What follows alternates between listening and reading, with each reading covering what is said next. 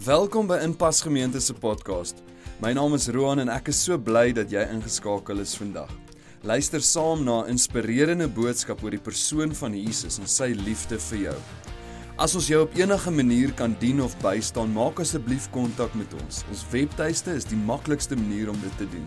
Gaan na inpas.org.za en vul die terugvoerstrokie in en ons reik uit na jou. As hierdie podcast 'n impak maak in jou persoonlike verhouding met Jesus, wil ons jou uitnooi om jou geloof prakties uit te leef. Jy kan dit doen deur vrygewig te gee sodat Inpas Gemeente die goeie nuus van Jesus kan verkondig. Kyk gerus op inpas.org.za hoe om 'n bydrae te maak. En nou, sit gerus terug en geniet die boodskap. Goeiedag julle van my kant af ook. Is lekker om saam met julle te kuier en terug te wees hier in Pretoria. Verlede week het ons ons gemeentekamp gehad en toe het ons letterlik met ons costumes kerk toe gegaan. Vandag is ons weer dik aangetrek met ons warmste klere.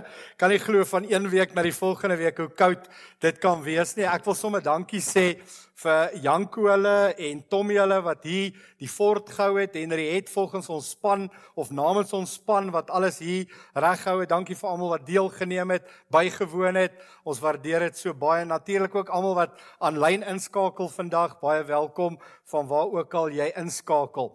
Nou ons is besig met hierdie reeks 40 dae van goeie nuus en ons praat oor die evangelie van Jesus Christus. Ons het begin deur te sê dat God het ons uitgenooi om um kinders van hom te word en jy het 'n nuwe naam gekry, 'n nuwe identiteit gekry. Jy is sy kind. En toe verlede week het Roan met ons gepraat oor die belangrikheid van verhouding bou en dat dit persoonlik moet wees en dat God sê maar ek is beskikbaar vir jou en ek wil graag met jou en en um in jou lewe wil ek graag inbou en 'n verhouding bou met jou. Nou vandag gaan ons so entjie verder gaan en ons gaan praat oor hierdie goeie nuus wat eintlik 'n baie groot effek op ons lewens het. Um dat dit jou uh, God het jou lief genoeg gehad om jou te aanvaar net soos wat jy is, maar hy het jou te lief om jou te los soos wat jy is. Elkeen van ons het so 'n bietjie skaafwerk, vormwerk en die groot vraag is, is dit moontlik vir 'n mens om te verander?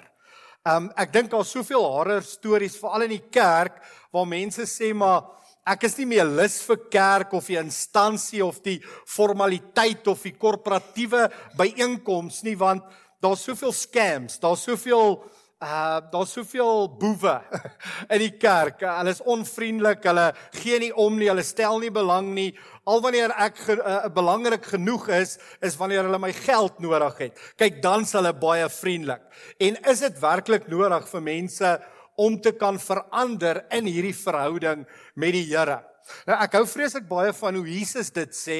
Jesus gebruik hierdie vergelyking. Hy sê ek is die wingerdstok en julle is die lote. So hoe dit werk is, ehm um, jy word wanneer jy tot bekering kom of wedergeboorte, dan word jy ingeplant. Ehm um, dis ook deel van ons visieverts in in pas. Jy jy kom in pas met die wingerdstok. Nou ek praat vanoggend praat ek met 'n vriend van my daar in Darling. Hy's 'n wingerdboer en ek sê vir hom maar wanneer begin hierdie stok of hierdie loot vrugte dra. Wanneer begin hy te verander? Hy's nie net meer 'n 'n kaal stok of 'n kaal loot nie. Jy begin te sien, luister, hier's blare. Hier, hier begin trossies drywe te groei aan hierdie aan hierdie loot. Hy sê van jaar 1 af, Paul, van jaar 1 af as daai loot uit daai wingerdstok uitgroei, dan is daai selfde DNA, daai selfde lewensbron binne in daai loot, die die drywe, die vrug is klein, maar jy kan die vrug sien en toe sê hy die volgende woorde. Hy sê maar vir 'n wingerdboer soos ek is die stok belangriker as die vrug.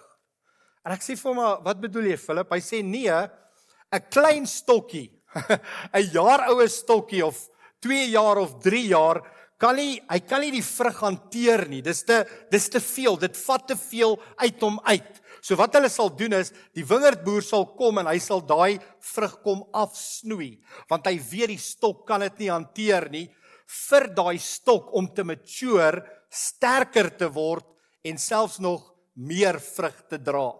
Ja, dit was vir my so beautiful. As ons daai gedeelte in Johannes 15 lees, dan lees ons van hierdie boer God die Vader wat kom, hy lê die snoeisker in, hy sny die vrug af en ons dink maar, Jesus, hy's dan baie selfsugtig. Hy wil al die vrug vir homself hê. Nee, nee, nee. Hy weet jy's nog nie reg om die vrug te kan hanteer nie.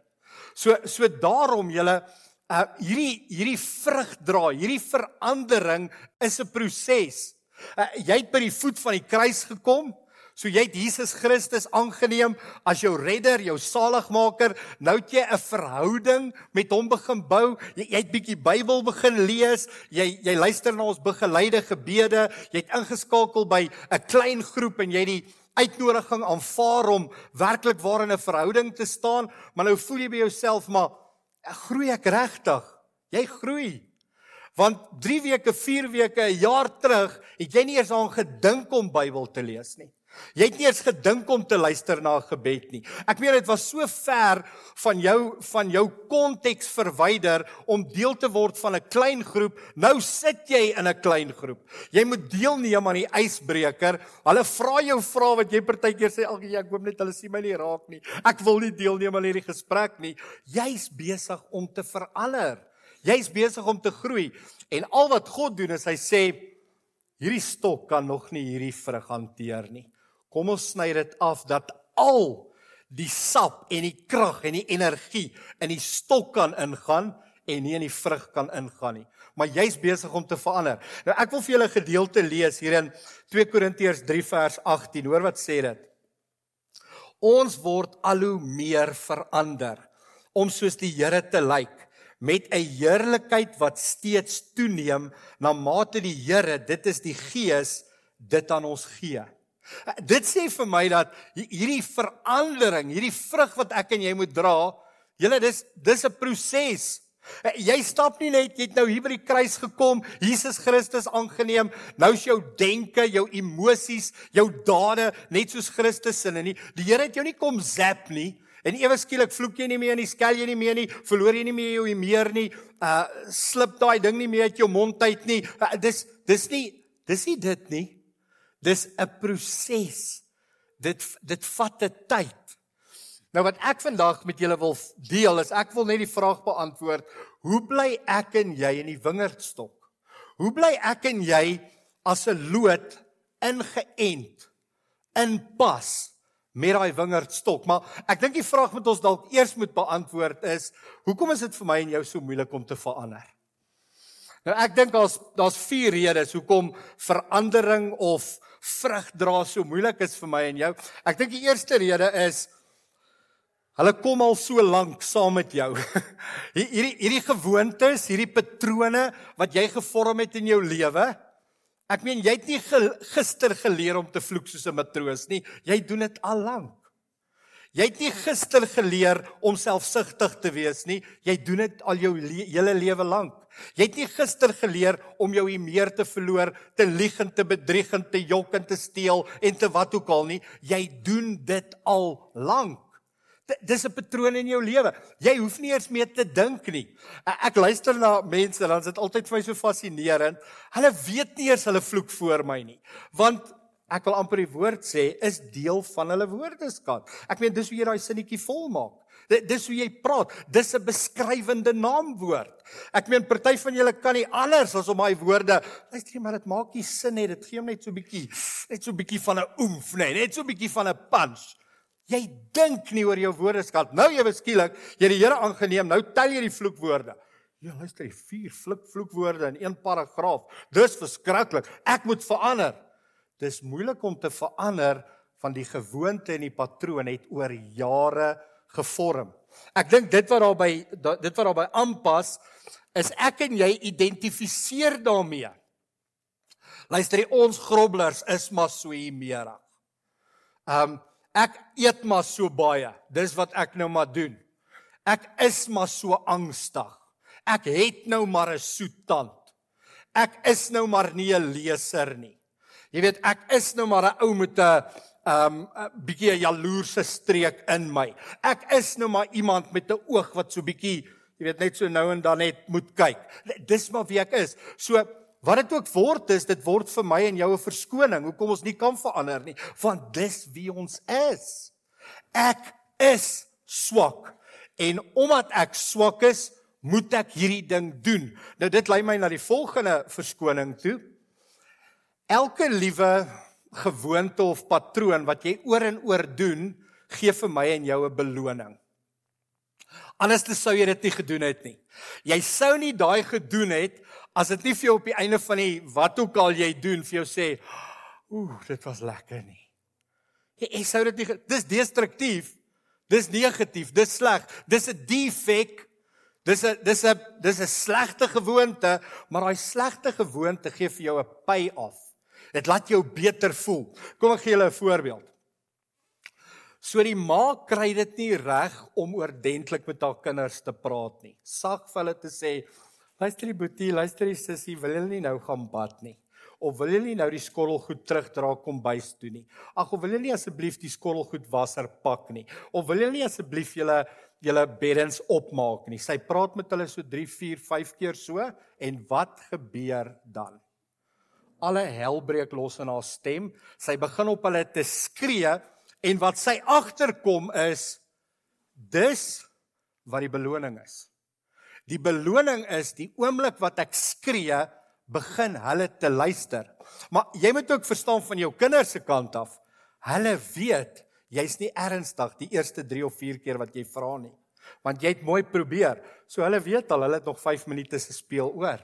Hulle weet hulle kan jou nog tempteer vir so vir so 'n paar oomblikke voordat jy jou nou gaan vererg en dan heeltemal jou speelgoed uit die kot uitgooi en vir hulle sê hoe sleg hulle is. Jy sien want elke gewoonte en elke patroon wat gevorm het, het 'n beloning. Eh, daai verslawing van jou wat jy beoefen wanneer ook al daar's 'n kortstondige vervulling wat vir jou sê ek's okay. Ons gaan dit maak. Dis lekker. Ek en my pelle, nê. Nee, Jesus likeie. Dis lekker goeters hierdie. Dit beteken nie dis goed vir jou die feit dat jy 'n vervulling beleef nie, want die vervulling is 'n paar dalk 'n uur, dalk 'n paar minute, selfs dalk 'n paar sekondes. Dit kan nie goed wees vir my en jou nie. En dan die laaste ding is in eers julle ek dink jy hoef te diep te dink om te wonder wat dit is nie. Die Satan veg teen jou vrug. En wat ek al agtergekom het is hy gebruik iemand wat 'n Christen is se onderontwikkelde vrug om jou te laat val. So kom ek gee julle 'n voorbeeld. Ek het 'n baie goeie pel op skool gehad. Hy het groot geword in 'n pastorie. Ek moet vir julle sê die Here laat nie mense sommer net so jou paie kruis nie. Hoe werk dit, nê? Hierdie pel van my, ek weet ons is ons hele hoërskoolloopbaan saam in dieselfde klas. Hy word in 'n dominee se huis groot. Ek het nooit geweet ek gaan 'n predikant wees en ek gaan ook kinders hê in my huis waarvoor ek 'n voorbeeld moet wees in dit nie. Maar hy het altyd vir my gesê, weet jy, my pa, Paul, My pa klim op 'n kansel en vertel hy vir almal hoe lief hulle moet wees vir mense en hoe hulle moet omgee vir mense en hoe hulle 'n nog 'n myl moet stap vir die mense totdat hy by die huis kom. Dan's daar niks liefde nie. Weet jy wat is net woorde? Dit beteken absoluut niks nie en tot vandag toe nog. En ons gaan nou ons 30 jaar in die ou, kan julle dit glo? Nee, nou hierdie jaar. Ek weet nie ek maar in elk geval weet nie wat het gebeur nie. Ek kyk vir myself die ander dag in die spieël en ek sê, "Jesus, jy's 'n mooi ouetjie hoor." Maar in elk geval, as ek dit vir myself sê en niemand sê dit vir my nie. Maar in elk geval, so ehm um, Ek het met hom gepraat en ek en ek kom agter hy's totaal en alle ateës vandag. Iemand anders se onderontwikkelde vrug het vir hom 'n verskoning en 'n rede gegee hoekom hy nie hoef te glo nie. Want as hierdie ou wat die dominee is, nie eers liefde het vir sy eie huishouding nie en hy sê almal moet lief wees, hoe kan ek hom vertroon? Hoe kan ek hom glo? Nou ouens, ek wil hê vandag moet jy 'n baie brawe stap neem jy moet begin verantwoordelikheid neem vir jou eie lewe. Kan, kan ek jou vra? Daai kruk, daai gewoonte, daai patroon waarop jy lê vir die laaste hoeveel jaar en wat jy die verskoning gee hoekom jy nie meer kan groei en hoekom jy nie meer kan vrug dra nie. Ek wil jou vra, kan ons nie daai goed wegchak vandag nie? Kan ons nie op 'n punt kom waar ek en jy die krikke, die verskonings, die redes, al hierdie goeters, hoekom ons nie kan vrug dra nie? Hoekom ek en jy nie kan verander deur die krag van die Here nie. Kom ons gooi dit bietjie een kant. Dis nie altyd haar skuld nie. Dis nie altyd sy verantwoordelikheid nie. Ek en jy behoort ook verantwoordelikheid te kan vat. OK, kom ons kyk. Hoe bly ek en jy in die wingerdstok? In die eerste plek verandering begin met nuwe denke. Julle en hierdie is nie 'n klise nie. Hierdie is regtig jou jou denke as jou denke begin verander, verander jou geloofs-oortuigings, verander jou jou dade, verander jou karakter en karakter sê wie jy is, maar dit moet eers begin. Nou ons het geleer eerste jou hart. Kan jy onthou die reeks voor hierdie reeks hartmonitor? Jy, jy moet jou hart moet verander want dit wat in die hart van die mens is, kom by sy mond uit. Maar dan moet dit na jou denke toe gaan. Jy moet jouself kondisioneer van van die waarheid van van hoe jy behoort te verander. Nou hoor wat sê Efesiërs 4 vers 23. Hy sê julle moet op 'n nuwe geestelike manier begin dink. Kom ek lees vir ek het dit nou nie vir julle vir julle hier op ook het dit op. Daai Engelse vertaling is die English Contemporary Bible. Hoor wat sê hy? Hy sê let the spirit change your way of thinking. Dit sê vir my jy gaan dit nie alleen hoef te doen nie. Die Here kom onder jou in en hy help jou. Hy gee vir jou die vermoë. Veral dit wat ons gesê het. Ons het gesê jou hart verander, jy kom tot wedergeboorte. Die Here maak jou 'n nuwe mens. Nou as jy nie jou dade is nie nuut nie, hy hy verander jou van die binnekant af buite toe. Maar nou het hy al jou verstand met die met die ehm um, verhouding wat jy begin bou het met hom, nou begin hy jou jou denke te vernuwe en jou denke te verander. En ons praat van die vrug van die Ekskuus tog, die vrug van die gees. Ehm um, ek wil bietjie net toets met julle vrug van die gees. Julle weet wat is daai nege vrugte in in uh, Galasiërs 5 vers 20. Vreugde, vrede, vriendelikheid. Wat sien is die sterkste by jou? Vreugde, het jy die meeste vreugde? Die meeste vrede of die meeste vriendelikheid. Onthou dit vra niks van jou omstandighede. Dit sê nie alles is nou perfek by my huis. O, oh, ek het nou vrede nie. Nee, alle hel bars nou los in my huis. Jesus, maar ek het hierdie vrede. Wat alle verstand te bo. Almal is nasty en lelik met my. Jesus, ek bly vriendelik. Eh, weet jy wat ek kon nie meer ongelukkig gewees het in my lewe nie, maar ek het 'n vreugde, 'n borrelende fontein in my binneste wat ek nie kan beskryf nie. So wat sien is die sterkste by jou? Kom ons gaan na die gees toe. Getrouheid, goedheid, geduld. wat sien is die sterkste? Is jy die meeste getrou, die meeste goed of die meeste geduld? Weereens, geduld vra nie werk alles vir jou uit nie. Dis ek's geduldig al moet ek lank wag in die queues. Ek gaan nie goed druk in pressure points en wat ook al nie. Die die esse selfbeheersing, sagmoedigheid. Dis die vrug van die gees en dan die liefde. Die teken dat jy begin verander en jy is dit dalk nog nie, maar jy begin vir jou Hoekom beleef ek hierdie onrustigheid in my binneste? Ek wil nie so onrustig wees nie. Hoekom is ek so ongeskik met mense? Sê die Bybel nie ek moet vriendelik wees nie? Hoekom is ek so ongeduldig of het ek geen selfbeheersing nie? Weet jy wat's besig om te gebeur? Die Heilige Gees is binne in jou en hy's besig om met jou te praat en vir jou te sê ek roep jou na 'n dieper diepe lewe toe. Ek roep jou na 'n vrugbare lewe toe waar jy vrug kan dra en anders kan begin lewe, jou eie lewe, jou eie gesin en dan die mense om jou se lewe begin beïnvloed. Julle ek en jy kan nie meer soos die wêreld dink nie. En ek wil jy's ek wil dit uitdruklik sê ouens. Dit wat die wêreld sê oor verhoudings, oor seks, oor finansies, oor jou werk, oor jou emosies, dis die teenoorgestelde van wat die Here sê. Moet dit nie vertrou nie, moet dit nie glo nie. Hulle gaan nie dieselfde taal praat as die Here nie. Hy wil jou nie lei in 'n dieper geestelike heilige lewe in nie. Jy kan net staat maak op wat die Here sê. Kom ek lees dit vir jou Efesiërs 4 vers 17 tot 18. Daarom sê ek met God se gesag, moenie langer soos die nie-Christene lewe nie. Wat hulle uitdink is niks seggend.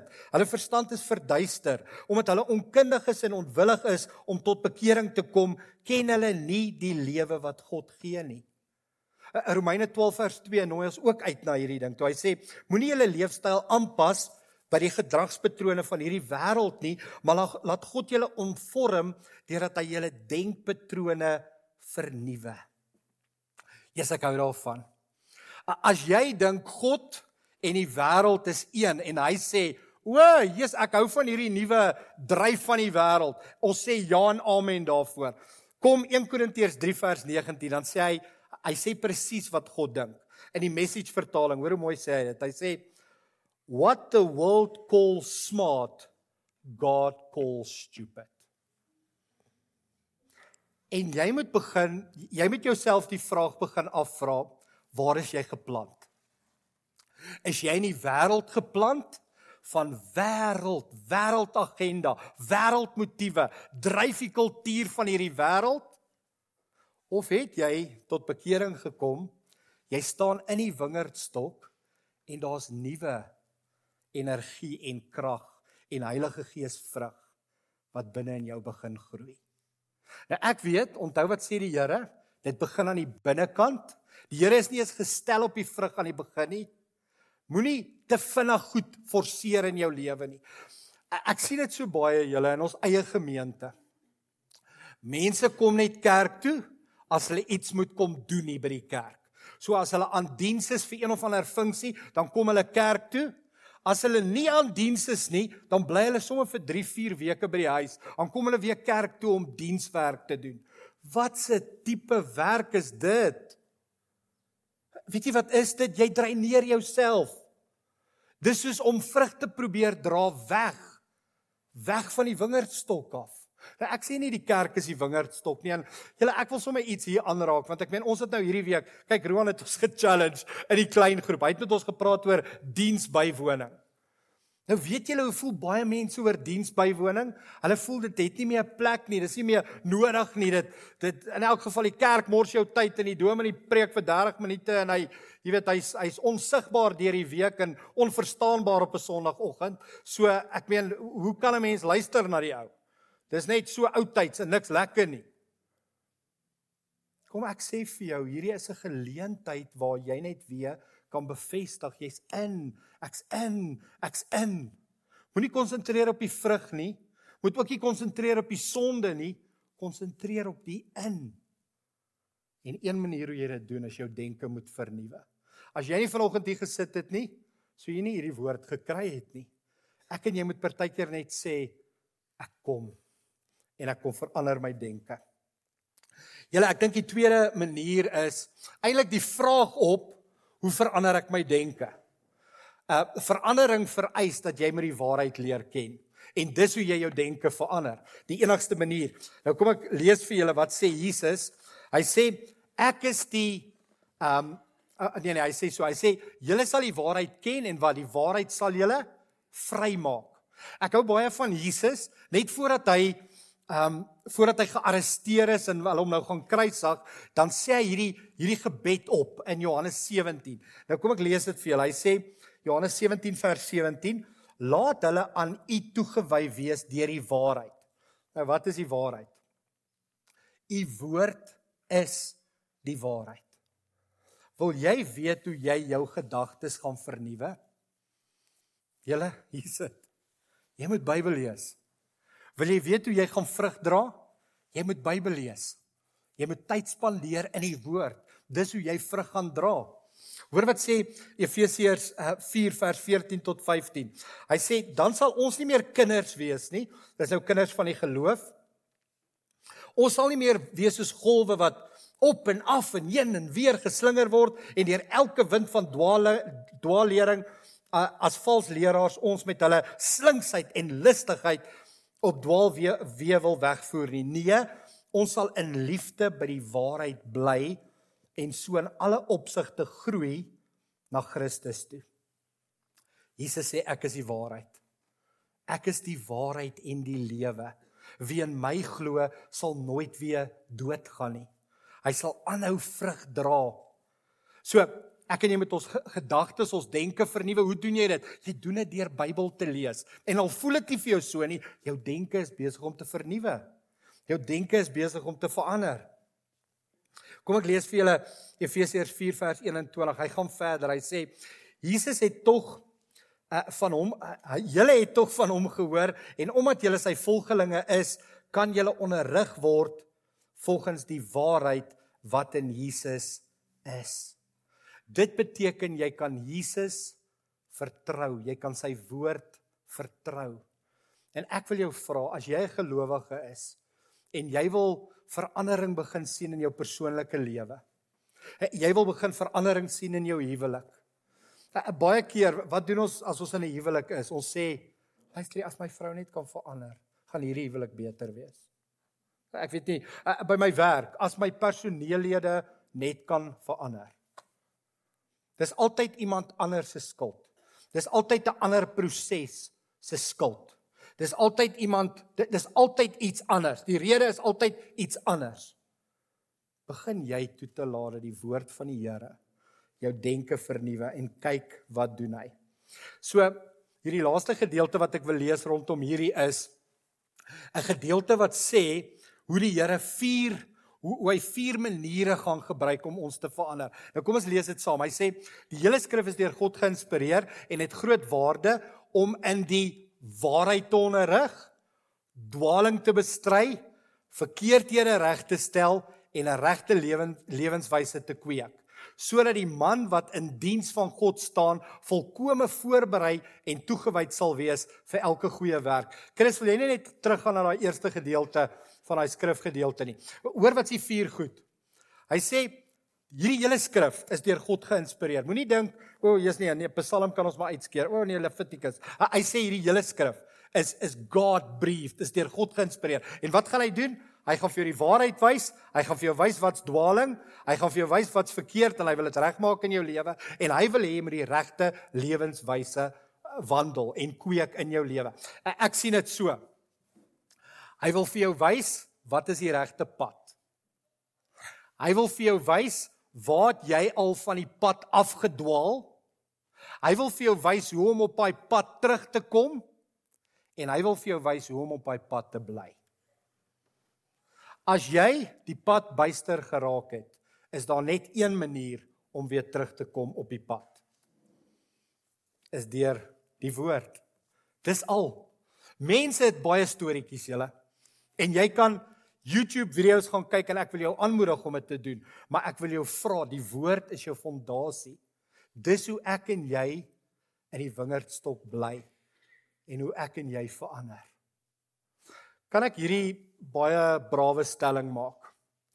As jy nie besig is om te verander nie, lees jy 10 teen 1 te min Bybel. Dis die ek dink dis die dis die bottom line. As jy die verandering smag wat jy nie sien nie, is dit omdat jy dalk nie genoeg Bybel lees nie. So ek wil julle ek wil julle aanmoedig en dan julle die laaste ene is verandering vereis eerlike gemeenskap. So jy jou denke verander deur die woord en nou skakel jy in by 'n klein groep by 'n kerk, by mense wat momentum gee aan jou. Wie van julle het die Nieu-Seeland Springbok game gekyk Vrydag aand? So 'n paar van julle. Is julle opgewonde oor die telling daarom? Ja, nee, verseker. OK, ek is baie opgewonde. 35-7. Wie het gedink ons gaan die game verloor? Wees eerlik. Ag nee, kom aan. In elk geval, okay. So ons het in ons huis gesê ons verloor met 10 punte, 4 punte, 2 punte, wat ook al. Want ek meen ons ek hoe wen jy hierdie ouens? Hulle is hulle is soos masjiene. Na die tyd het hulle onderhoud gevoer met Adi Sevilla. Hy is die agste man van Nieu-Seeland en hy sê hierdie woorde. Hy sê um it was very difficult. Ek gaan hom in Afrikaans net oorvertaal. Anders dan gaan jy nie verstaan wat ek gesê het nie.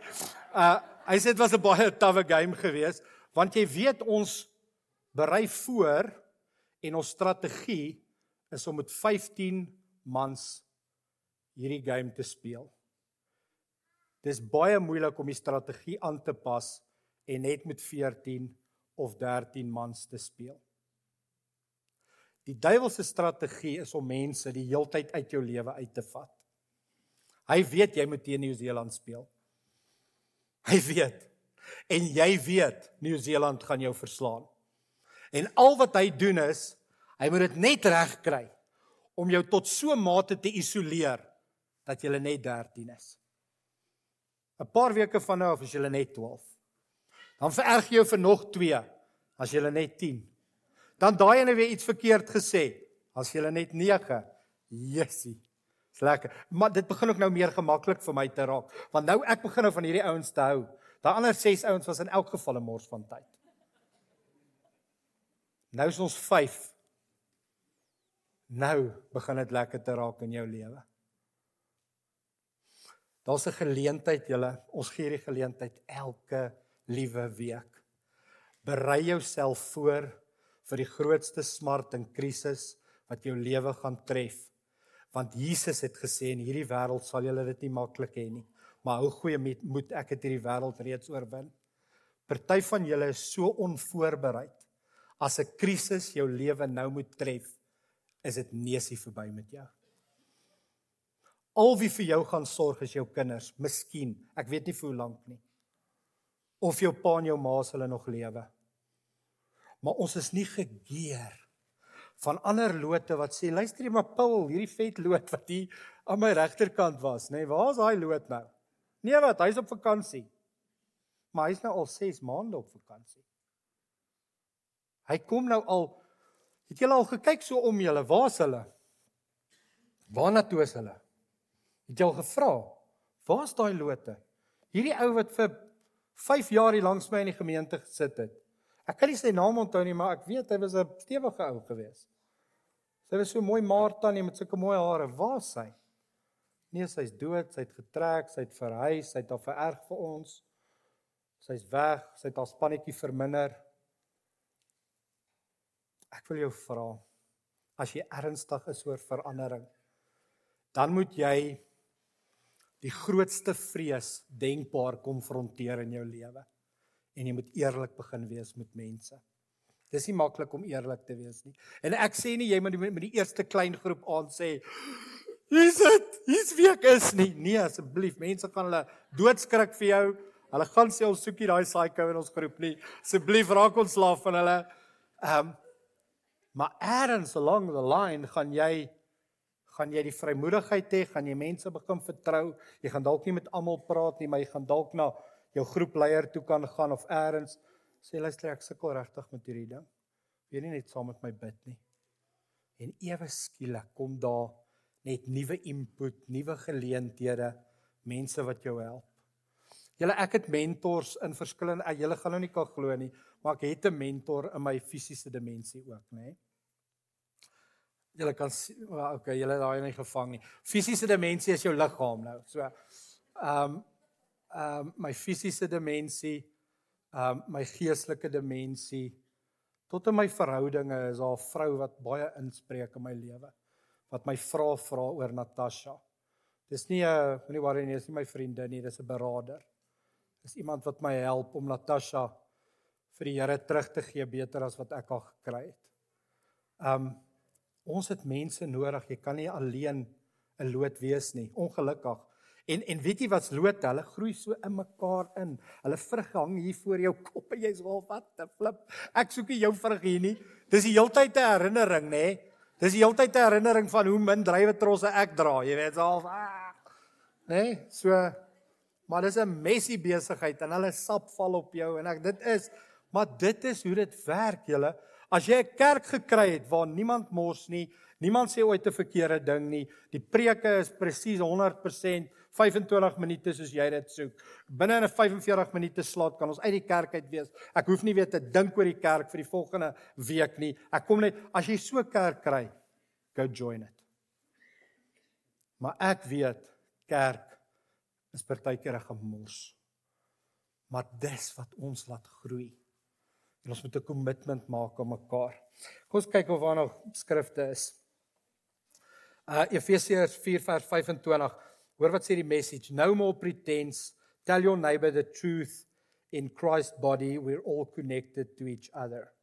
Efesiërs 4 vers 32. Wees goedgesind en hartlik teenoor mekaar en vergewe mekaar soos God julle ook in Christus vergewe het. Efesiërs 4 vers 29. Julle sal sien Efesiërs 4 is is die hoofstuk van verandering en vrug dra. Moenie e-, enige vuil taal gebruik nie. Gebruik eerder die regte opbouende woorde wat nodig is om die wat luister te bevoordeel. Ek wil 'n uitnodiging maak. Jy kan daai klein groep slide dalk net hier op die ehm um, skerm gooi. Ek wil hê julle moet kyk na daai klein groep beter saam met ander. Julle ons het 'n klomp klein groepe wat nog plek het. Wat net wag vir jou. Hulle sit op die punte van hulle stoele om jou te ontmoet en hulle is versprei reg oor hierdie omgewing. Hulle is in Wingate Park, in Moreletta Park, in Constantia Park. Hulle is hier in die Wilgers, Lamonta, Waldegra. Ons het tot een in in is dit Valeria of Wonderboom of wat is daai Waverly? Ons het tot daar groep. Jy moet net sê, ons kan nie wag om jou te ontvang by 'n groep nie. Ons kan nie wag om jou in te skakel en jou te help om jou in te pas by hierdie wingerdstok nie en deel te wees saam met jou van verandering en vrug dra nie. Maar ons het jou hulp nodig. Ons het tot 'n aanlyn groep vir studente. My dogter sit in Delareyville. Sy hou 'n groep vir mense.